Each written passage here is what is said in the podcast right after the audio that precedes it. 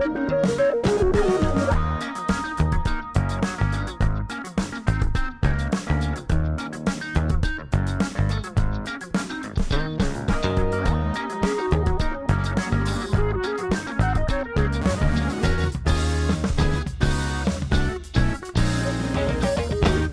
zijn bij de zesde podcast van deze reeks en daarmee ook de laatste Ingrid. Ja, dan zit het erop. Dan zit het erop. Ehm Tech Savvy Assistant podcast waarbij we de digitale wereld onder een vergrootglas leggen. Iedere keer een klein item eh, waarbij jij Ingrid de praktische kant eh, van de zaken eh, belicht. Ja, we hopen daarmee de vragen die jullie hebben ehm, deels een beetje door Ingrid verwoord te krijgen dan. En zelf, mijn naam is Liane Duit. Ehm, en ik hou me heel erg bezig met die Tech Savvy Assistant. Sterker nog, ik heb de kreet een beetje naar Nederland gebracht. En eh, het gaat helemaal niet over ons, want wij gaan steeds in gesprek met experts die ons kunnen helpen om meer digitaal geletterd te worden, eh, meer tech-savvy te worden. En in mijn lijstje kon natuurlijk niet missen Gerard Duursma. Die, eh, Van harte welkom. Ja, goedemiddag. Ja, leuk dat je er bent. Wij kennen elkaar al wat langer. En altijd als ik aan jou denk, dan denk ik aan de Snapchat-bril die jij op had. Waarmee je live meteen kon filmen. Dan ook nu heb je hem weer bij je. Dat kunnen wij niet, niet zien. Maar je bent transformer. Ja, zo noem ik mij. Zo dat klinkt natuurlijk heel futuristisch. Maar wat ik eigenlijk wil zeggen is dat ik bedrijven van een klassiek hiërarchisch systeem wil transformeren naar meer een netwerkorganisatie. Zodat veel meer de, de mensen eh, kunnen groeien. Ja. En mooi is wat jij ook zegt, is dat je de assistants, ehm een, er zie je veel mogelijkheden voor een toegevoegde Ja. waarde, juist in de digitale wereld. En dat is wel voornamelijk natuurlijk waarom we dachten, we gaan met jou in, eh, in gesprek. Eh, we hebben een aantal vragen voorbereid, maar de eerste is wel, want je houdt je ook heel erg bezig met trends en ontwikkelingen. Wat zijn nou de drie trends en ontwikkelingen die nou echt voor de assistant heel belangrijk zijn? Want we hebben in de afgelopen podcast zoveel gehoord. Volgens jou, wat zijn nou drie dingen die ik als assistant echt moet weten Nou, die er toe doen? Het zijn natuurlijk eh, globale trends, maar eh, één is een hele grote, wat ik al zo net noemde, de organisatie is niet meer zo hiërarchisch. Dus de assistants die, die moeten dus ook veel meer in de digitale netwerken participeren. Maar ook, eh, wat ik zo net ook noemde, is dat ze niet alleen zichzelf meer durven te laten zien, maar ook eh, de medewerkers eh, en, en ook de managers waarvoor ze werken of de directeuren waarvoor ze werken ook meer in het daglicht eh, moeten zien te krijgen. En, en, en, en eh, dan is, dat is eigenlijk meteen het tweede punt, is dan meer de verhalen van de organisatie eh, delen. Kennis delen, verhalen delen. Eh, wat vroeger nog via de traditionele kanalen ging, eh, de krant, eh, tijdschriften en beurzen. Dat gebeurt natuurlijk nog steeds, alleen men, men vergeet dat die digitale netwerken ook gevoed moeten worden. En als je die ehm, langzaam opbouwt, dan kun je er op een gegeven moment enorme vruchten van plukken. Niet alleen eh, makkelijk nieuwe medewerkers vinden, maar je kunt ook makkelijker eh, partners aantrekken waarmee je wilt samenwerken of eh, je markt laten groeien. En dat, dat, zijn dingen die kun je niet in één keer eh, voor elkaar krijgen, maar dat lange termijn verhaal. En, en hoe zou ik dat dan moeten doen, zeg maar, als, als secretaresse om, om de, de verhalen van de organisatie te delen? Waar Nou zou ja, ik een secretaresse is natuurlijk, dat weet ik van van mezelf al vroeger, dat ik eh, als ik onderdeel ben van een organisatie, dan eh, heb ik altijd wel veel contact met een secretaresse. Dus een secretaresse heeft ook veel contact met de, de medewerkers.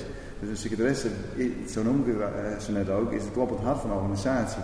Die weet heel veel, heeft niet alleen intern, maar ook extern heel veel verbindingslijnen.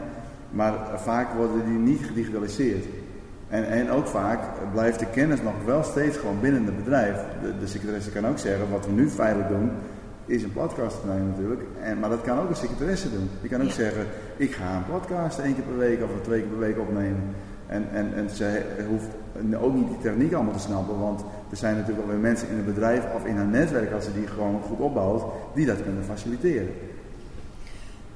Ja, maar dan kom je dan niet met, met de AVG, zeg maar, eh, in, in, in de knoei, hè, dat ik zomaar een podcast op ga nemen eh, over de organisatie. Nou ja, kijk, je moet wel met elkaar afstemmen wat je gaat vertellen. Je kan niet alle bedgeheimen vertellen van je collega's. maar het is, Als je die al weet. Ja, als je die al weet. Want je weet natuurlijk, denk ik, best veel als secretaresse. Want ik weet dan wel dat ik hele gevoelige dingen ook vertelde. Want ik voelde me altijd wel vertrouwd, omdat het vrouwen zijn meestal. Dat- Die, die staan ook wat meer. Dus als ik mop met mijn baas zat, dan ging ik altijd even uithuilen. Ja. eh, zeg maar, bij mij, Ja. secretaresse. Dat, Ja. was, toen was ik net begonnen. Dan was ik wel eens even, dan kwam ik bij de baas vandaan. Dan was ik toch wel een beetje teleurgesteld en alles. En dan kom ik even mijn hart luchten. Ja. Dus ze weten veel, maar ze weten daardoor ook hoe mensen zijn in het echt. Vaak authentieke mensen achter de medewerker kennen ze. Ze kennen ook vaak wel eh, wat, de, wat de sterke en de zwakke punten van de medewerkers zijn. En daardoor kunnen ze juist de, het personeel ook veel meer laten groeien. Door ze af en toe even uit te lichten. Nu noemen we, noem ik zelf een podcast. En ik kan ook zeggen, we doen een videocast. Of we doen eh, een artikel. En Ja. dat hoeven ze niet allemaal zelf te kunnen, de secretaresses, maar ze kunnen het faciliteren. Ja. Ook omdat ik denk de manier waarop we informatie tot ons nemen aan het veranderen is. Hè. Eh, je gaat ook veel om met allerlei type generaties. Ja, type ja. generaties, zeg ik dat goed? Ja. Nou ja, mensen uit de verschillende generatie, eh, van de ge- verschillende generaties. Ehm, en je ziet natuurlijk ook dat de managers waarvoor je werkt misschien jonger worden en weer andere dingen Klopt, hebben. klopt. Is het inderdaad zo dat we liever niet meer de ge- ge- ge- geschreven tekst zien, maar meer dus willen luisteren naar zo'n Nou, dat is podcast wel, ja, dat zie je. filmpje De- kijken? De, podcast doet het ook weer extra goed. Eh is weer helemaal in opkomst. En je ziet ook, eh, vooral bij jongeren natuurlijk, YouTube-kanalen. Ik volg zelf ook elke avond veel meer YouTube-kanalen dan dat ik televisie kijk. Ja, Maar dat zit nog lang niet bij iedereen in het systeem, maar bij jongeren veel meer. Dus eh, als jongeren bijvoorbeeld niet zo goed zijn in het schrijven, eh, dan zeggen we vaak van ze hebben gefaald, zijn niet zo goed. Maar ze kunnen zich vaak wel weer op andere wijzes heel goed uitdrukken. Dus het is in, in sommige gevallen helemaal niet zo belangrijk als- iemand dat niet goed kan. ja. En ik denk dat dat ook voor de assistant een hele mooie kans zou kunnen Ja. zijn. Want sommige organisaties eh, kampen met ver- vergrijzing. En willen wel een jongere medewerkers in huis. Maar ja, hoe doe je dat als je niet een leuke omgeving hebt? Dus dan kun je met podcasts en dergelijke bijvoorbeeld beginnen. En, en vergeet niet, als je dat doet, je trekt natuurlijk de buitenwereld heel makkelijk aan. Je inspireert de buitenwereld, maar je laat ook veel meer van jezelf zien. Ehm, en, en dat maakt het dus ook weer makkelijker om, als je bijvoorbeeld nieuw personeel nodig hebt, om dan gewoon die vraag gewoon uit te zetten. En dat netwerk die altijd naar je podcast luistert, luistert bijvoorbeeld, die zijn trouw en die, die, die hebben ook veel meer over voor je. Dus die gaan ook even dat weer uitzetten in hun netwerk. Ja, dus als jij geeft, ja, dan ontvang je ook veel makkelijker. Ja. En dat is denk ik wel, in de vorige podcast hebben we het ook veel gehad over samenwerken. En dat is nu veel meer. Hè. Eerst veel geven, dat was altijd al denk ik zo. Maar eh, dat is nu makkelijker door de techniek ook. Ja, ja, het is makkelijker geworden door techniek. En wat ik altijd ook zie nog, mensen, dat was vanmiddag ook zo, de vorige spreker die probeerde dat ook uit. Ja, wij, wij nemen de podcast op tijdens het eh Tech Savvy congres. Verder laten we dat een beetje los, zodat die eeuwig houdbaar blijft, Dat zeg kan, maar. Maar vandaar even dat ik het toelicht. Ja. Maar eh, wat je dus merkt is dat eh, mensen het nog wel moeilijk vinden om zichzelf, eh, er werden, werden dan ook vragen gesteld, wat zijn we goed in het eh, schrijven, of wie, wie, wie, wie kan bloggen. En dan blijft het helemaal stil. En dan, op een gegeven moment zijn er wel mensen die doen wel wat, maar die vinden dat misschien nog niet goed genoeg. Maar, maar dat, dat, mensen zijn vaak wat verlegen nog, omdat ze eh, niet weten hoe goed ze zijn ten opzichte van anderen. Het is nieuw natuurlijk, Ja. vroeger werd alles geschreven. En het is ook een beetje gek nog dat ze denken, misschien als ik een video, video opneem voor het bedrijf is dat misschien niet professioneel. Want er zijn altijd wel weer geluiden in het bedrijf die zeggen, dat is niet, dat is niet de echte media. We deden het toch altijd zo, dus dat is een beetje erbij. Maar, maar dingen zijn altijd in verandering. En als, als medewerkers eenmaal ervaren, dat merk ik ook bij het bedrijf waar ik actief ben, dat het wel degelijk eh, effect heeft als ze het op een andere manier doen. Dat ze er ook andere mensen mee aantrekken. En dan op een gegeven moment dan gaan steeds meer mensen zich melden van ik wil ook wel in beeld, ik wil ook wel iets vertellen, ik wil ook wel een blogje schrijven. Maar als die cultuur er nog niet is, de, de eerste mensen die moeten wel heel extra veel lef hebben, willen ze dat aandullen. Ja. Ja, snap ik. Dat is mooi, die kreet hebben we eerder gehoord. En ook de vraag namelijk van welke future skills heb ik nou nodig of toekomstige vaardigheden. Nou, meer lef eigenlijk. Ja. Vooral ook hè, je nek durven uitsteken. En soms gaat het fout. Je spreekt ook veel over extern, maar ik kan me ook voorstellen dat het heel prima intern kan. Eh, een Ja. handboek of een proces omschrijven wat je vroeger op een saai Ja, A4'tje klopt. deed, dat je daar nou een screencast van Ik heb nu zo. bijvoorbeeld voor een eh groter transportbedrijf heb ik gezegd van maak instructievideo's voor nieuwe eh, chauffeurs, zodat die niet meer een hele dag hoe, hoe we worden ingewerkt. Die kunnen Ja. ook, mochten ze het even niet meer weten, kunnen ze even die Ja. De video bekijken in de auto, Ja. in de vrachtwagen. En, en, en, en, en ja, zo werd er nog niet gedacht, maar nu kunnen ze veel sneller mensen inwerken. Ja. En, Ja. en, en, zo, zo geldt het voor heel veel dingen. Dat, maar, maar mensen moeten er eerst even op, op gebracht worden op die manier, want ze kennen het vaak niet. Nee. Nee, en het is ook uit je comfortzone. Ja, hè. We klopt. zijn heel, heel erg, ja, onze comfortzone, dat is lekker, daar blijven we Ja, in. ja. En we stappen er vooral niet zo heel snel buiten. En, en dit is feitelijk wat, wat, wat ze bij eh, de radio in Hilversum ook doen. Ja. Maar wij doen het nu gewoon hier op locatie. en, en wij hebben gewoon onze laptopje, microfoontje aangesloten. We kunnen het even bewerken. En, maar, maar dat kon vroeger ook niet. Die techniek die was niet in handbereik. Nee. nee, nee. En, was voor de experts. Ja. En dat zou je kunnen vertalen voor de assistant. Uh, iedereen weet wat uh, courier uh, of courier is. Hoe spreek je het uit? Dat werkt eigenlijk helemaal de manier lettertype. Ja, ja. En vroeger was dat natuurlijk gegeven aan de drukkers. Ja. dan. Dus ja. alles wordt steeds makkelijker te bereiken. Klopt. Maar hoe, hoe weet ik dan? Want ik denk dat er ook nog heel veel assistants zijn die überhaupt nog niet van een podcast hadden of hebben gehoord dan.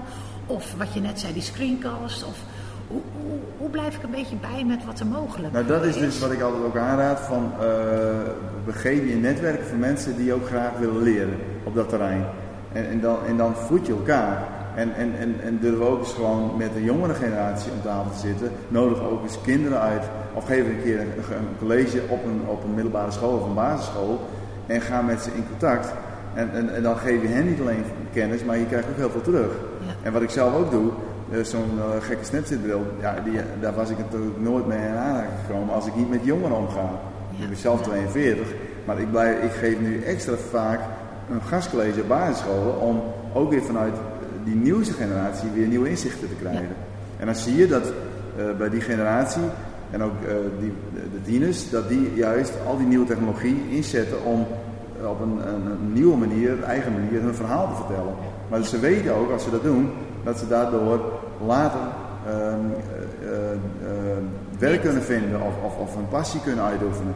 En, en ze weten ook dat ze dat niet alleen op school hoeven te leren. Maar wij zijn nog wel opgegroeid met van je moet diploma's halen. Want als je niet een HBO-opleiding hebt, zoals in mijn geval, dan zijn mijn ouders ook van, dan komt het niet goed Gerard, dan krijg je nooit werk. Alles, alles is onzeker. Maar er zijn ook heel veel jongeren die tegenwoordig dat helemaal niet meer zo zien. Die denken van als ik gewoon tech-savvy ben en ik weet wat, mij drijft, mijn passie.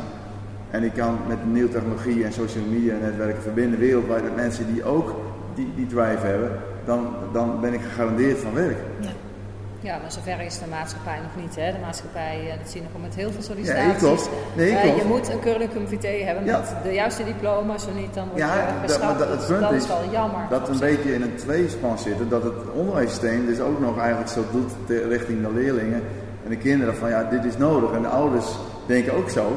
Maar de kinderen denken vaak ook al zoals wij hier zitten van het kan ook wel anders. Ja. Alleen eh, eh, als, als beide partijen het niet zien, en dat zie je dus ook als een, een secretaresse tech savvy is, maar de baas niet, dan kan het een hele strijd opleveren. Ja, En zo, ja, en zo ben ik als docent vroeger bij Windesheim, ben ik maar vertrokken, omdat mijn collega-docenten, die, die associeerden tech savvy als een beetje tweede rangs. Ik ga dan maken in communicatie, maar ik deed heel veel met moderne tools.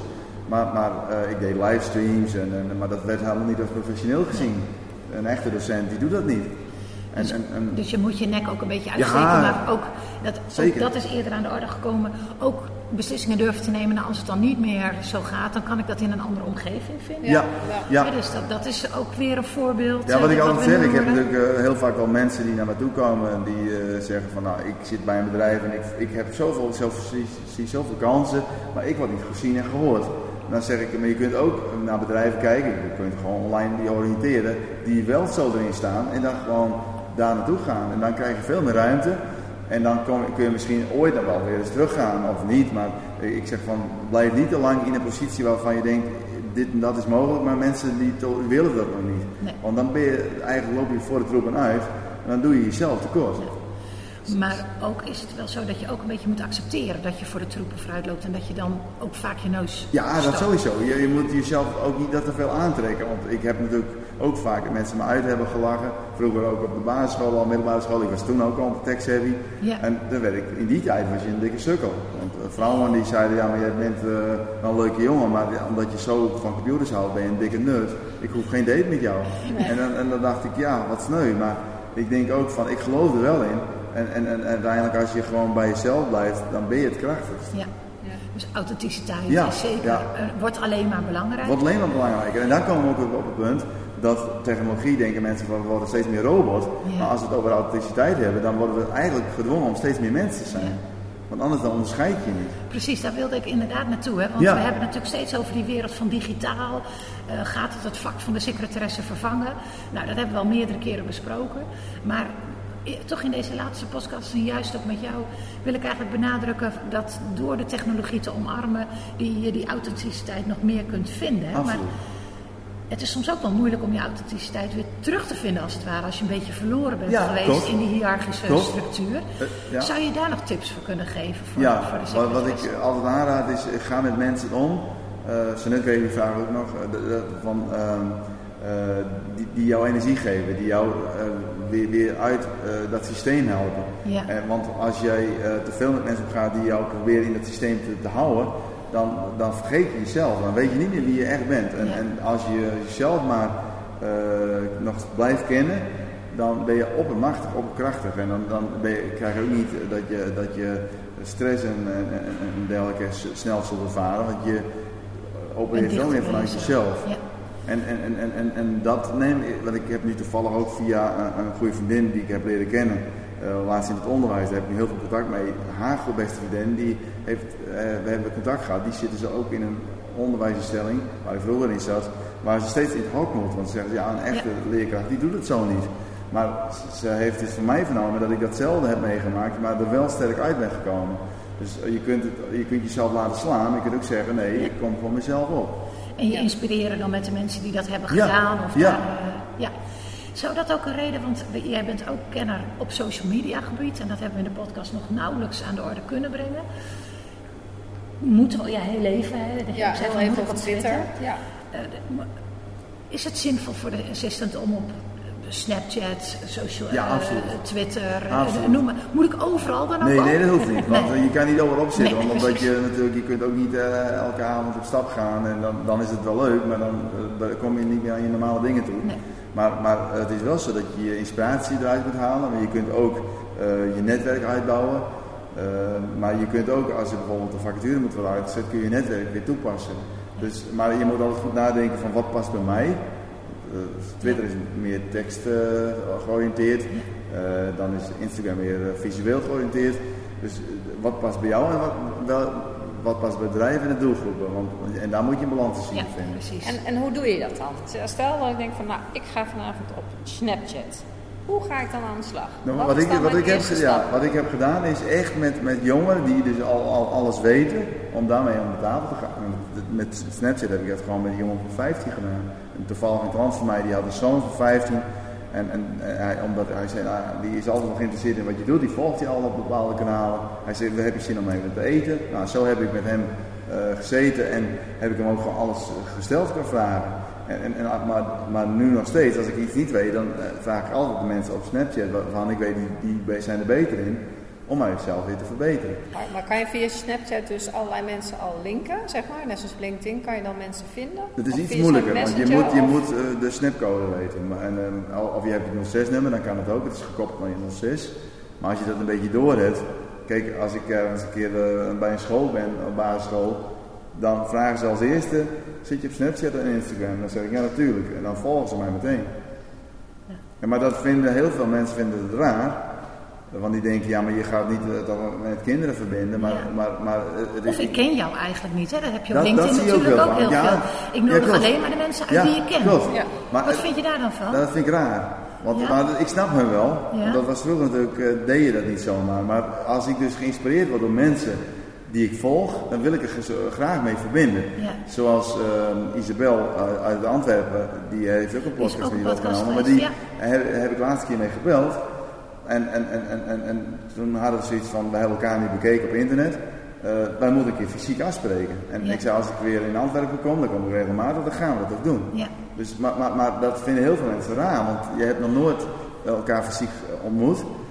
Maar je hebt wel elkaar online eh, besnuffeld. Maar dan kun je gewoon afspreken van we gaan een keer afspreken. Ingrid en ik hadden het er nog over. Want ik ken Isabel ook via online. Ja. En ik heb gezegd ik nodig jou uit op LinkedIn voordat we elkaar kennen. Want we gaan elkaar ontmoeten. Ja, ja. En Ingrid zei ja ik doe het eigenlijk na die tijd ja. uh, dan. Ja, uh. En ik zei van nee maar ik, ik ervaar ook daadwerkelijk toen ik haar leerde kennen.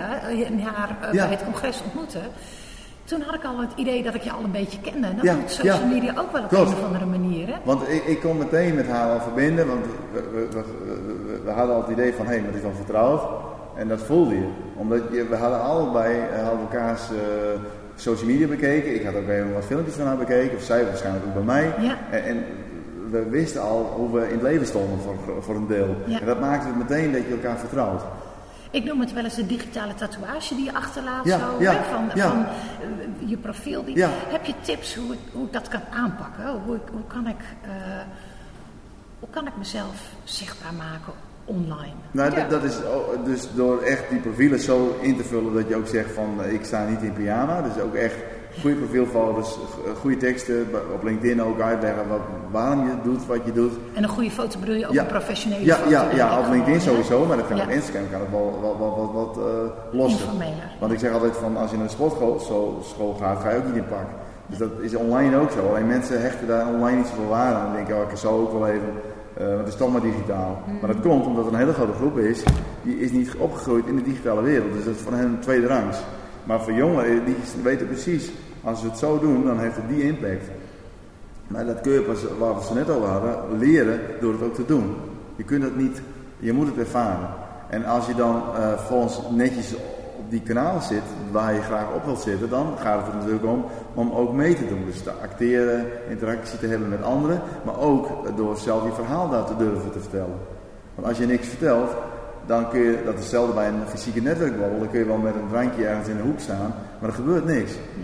En op een gegeven moment, op, op het moment dat je echt actief wordt, dan is het ook zo dat in de fysieke wereld, dan, dan heb ik vaak, dan loop ik ergens bij een congres, of ik loop op een beurs, of ik loop gewoon op straat, ergens in de stad. Dan heb ik heel vaak contact. En dan zeggen ze, hé, maar jij bent die eh, jongen die eh, ook daar en daar actief op is. En, en, en, en, en, en, dan heb je al heel snel weer een, een, binding. Dus eh, door je te laten zien, online en offline, dan gaan dingen heel snel automatisch. Van het ene komt dan het andere. En, ah, en wat, wat, wat, wat dus ook- heel belangrijk is, is dus als je een keer iets niet weet, dat je dat gewoon ook durft te vragen openlijk aan je netwerk. Ja, je kwetsbaar op Ja. te stellen. Hadden we het Ja, met, eh, met de- Isabel in- ook met. Isabel in de vorige podcast over. Ehm, waar we het toen niet over hebben gehad, en die vraag kwam toen eigenlijk ook al een beetje bij mij naar boven. Het is wel veel dan, hè?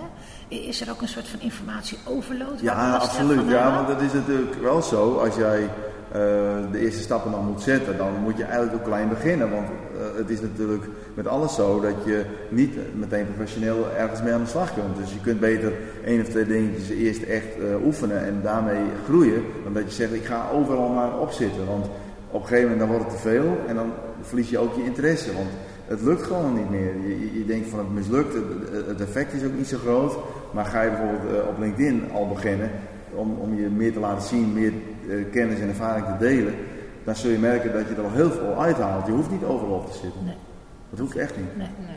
Dus dan heb ik een beetje beeld van mijn eigen eh, eh, personage digitaal, die, die eh, digitale tatoeage, zoals ik het dan maar noem. Nou, vraag mijn manager van, goh, zou je mijn Twitter-feed willen bijhouden? Zou je dat doen, zeg je, of verlies ik dan mijn authenticiteit? Ja, ja, eh? want dat is dus ook iets wat ik vaak natuurlijk ook wel eh, eh, als vraag krijg. Want het, wat klassiekere managers zeggen van, nou, voor mij hoeft het allemaal niet. Nee. Die laten soms zelfs ook alle mail van hun eh, ook nog beantwoorden door secretaresse. Maar ik zeg, ja, maar eh, eh, iemand anders kan jou niet nadoen. Nee. Nee. Ik zeg van die authenticiteit, dat is jouw kracht. Dus als jij reageert, dan hoort dat er ook bij. Maar er zijn gewoon nog altijd mensen die denken, ja maar dat is, dat is te laag, dat, dat moet een ander doen, dat, dat soort werk doe ik niet. Maar dat zie je natuurlijk ook veranderen, dat een manager of een directeur, die, die hoort daar ook een rol in te spelen. Ja. Maar, maar die zijn vaak ook daar niet handig in. Dus dan eh, hebben ze zoiets van, eh, en ze zijn, oh, hebben ook niet geleerd om, eh, om, om, zwakte te tonen. Ze denken, dan laat ik het lekker door een ander doen, dan hoef ik er ook verder niet over na te denken. Maar ik probeer altijd in die transformaties bij bedrijven te beginnen met management. Want als zij daar ook zelf mee worstelen en ook durven te zeggen tegen het personeel van wij vinden het ook eng, we vinden het moeilijk, maar wij doen het wel, dan zie je dat heel snel de veranderingen op gang komen. Ja, maar dat is meestal zo. Ja, En als het daar niet gaat, dan gaat het nergens. nee, nee, klopt. Dan blijft het hangen. Ja. Afrondend, want je, we kunnen nog uren Ja, doorpraten klopt, en, klopt. en dat gaan we misschien ook wel doen. Eh, maar voor nu even. Hè. Eh, laatste vraag.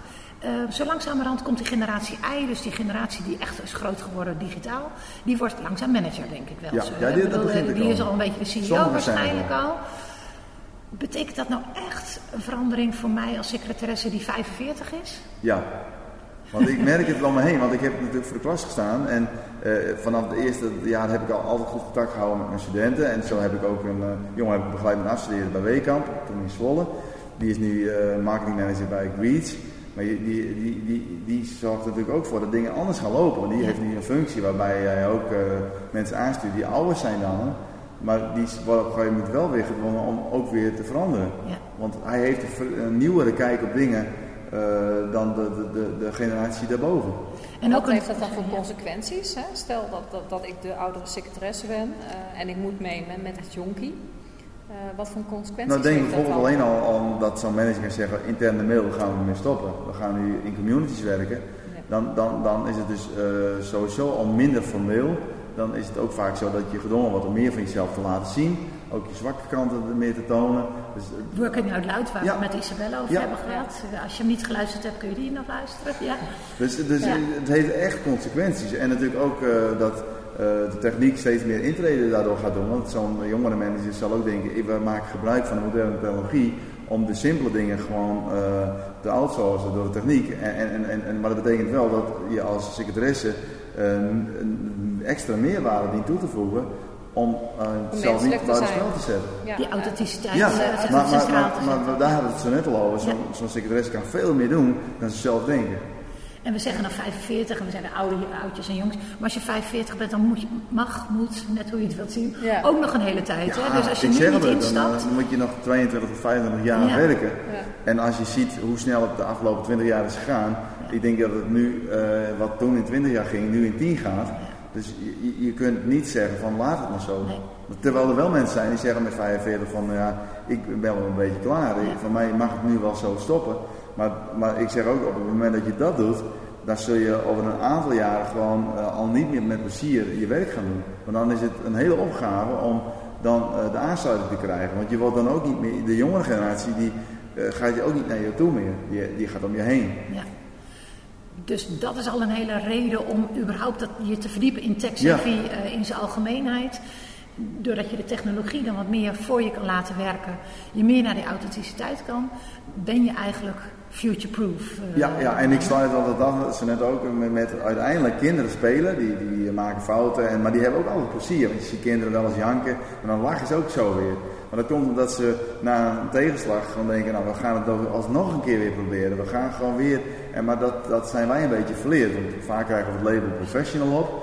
Maar ik zeg, als je jezelf nu als stagiair voor het leven ziet, dan ga je gewoon altijd oefenen en, uh, en met mensen in contact. Je bent niet uitgeleerd. En dan zul je merken, door jezelf steeds uit te dagen, krijg je ook weer dat je uh, jezelf overtreft. Je, je, krijgt meer zelfverzekerheid, je krijgt meer plezier.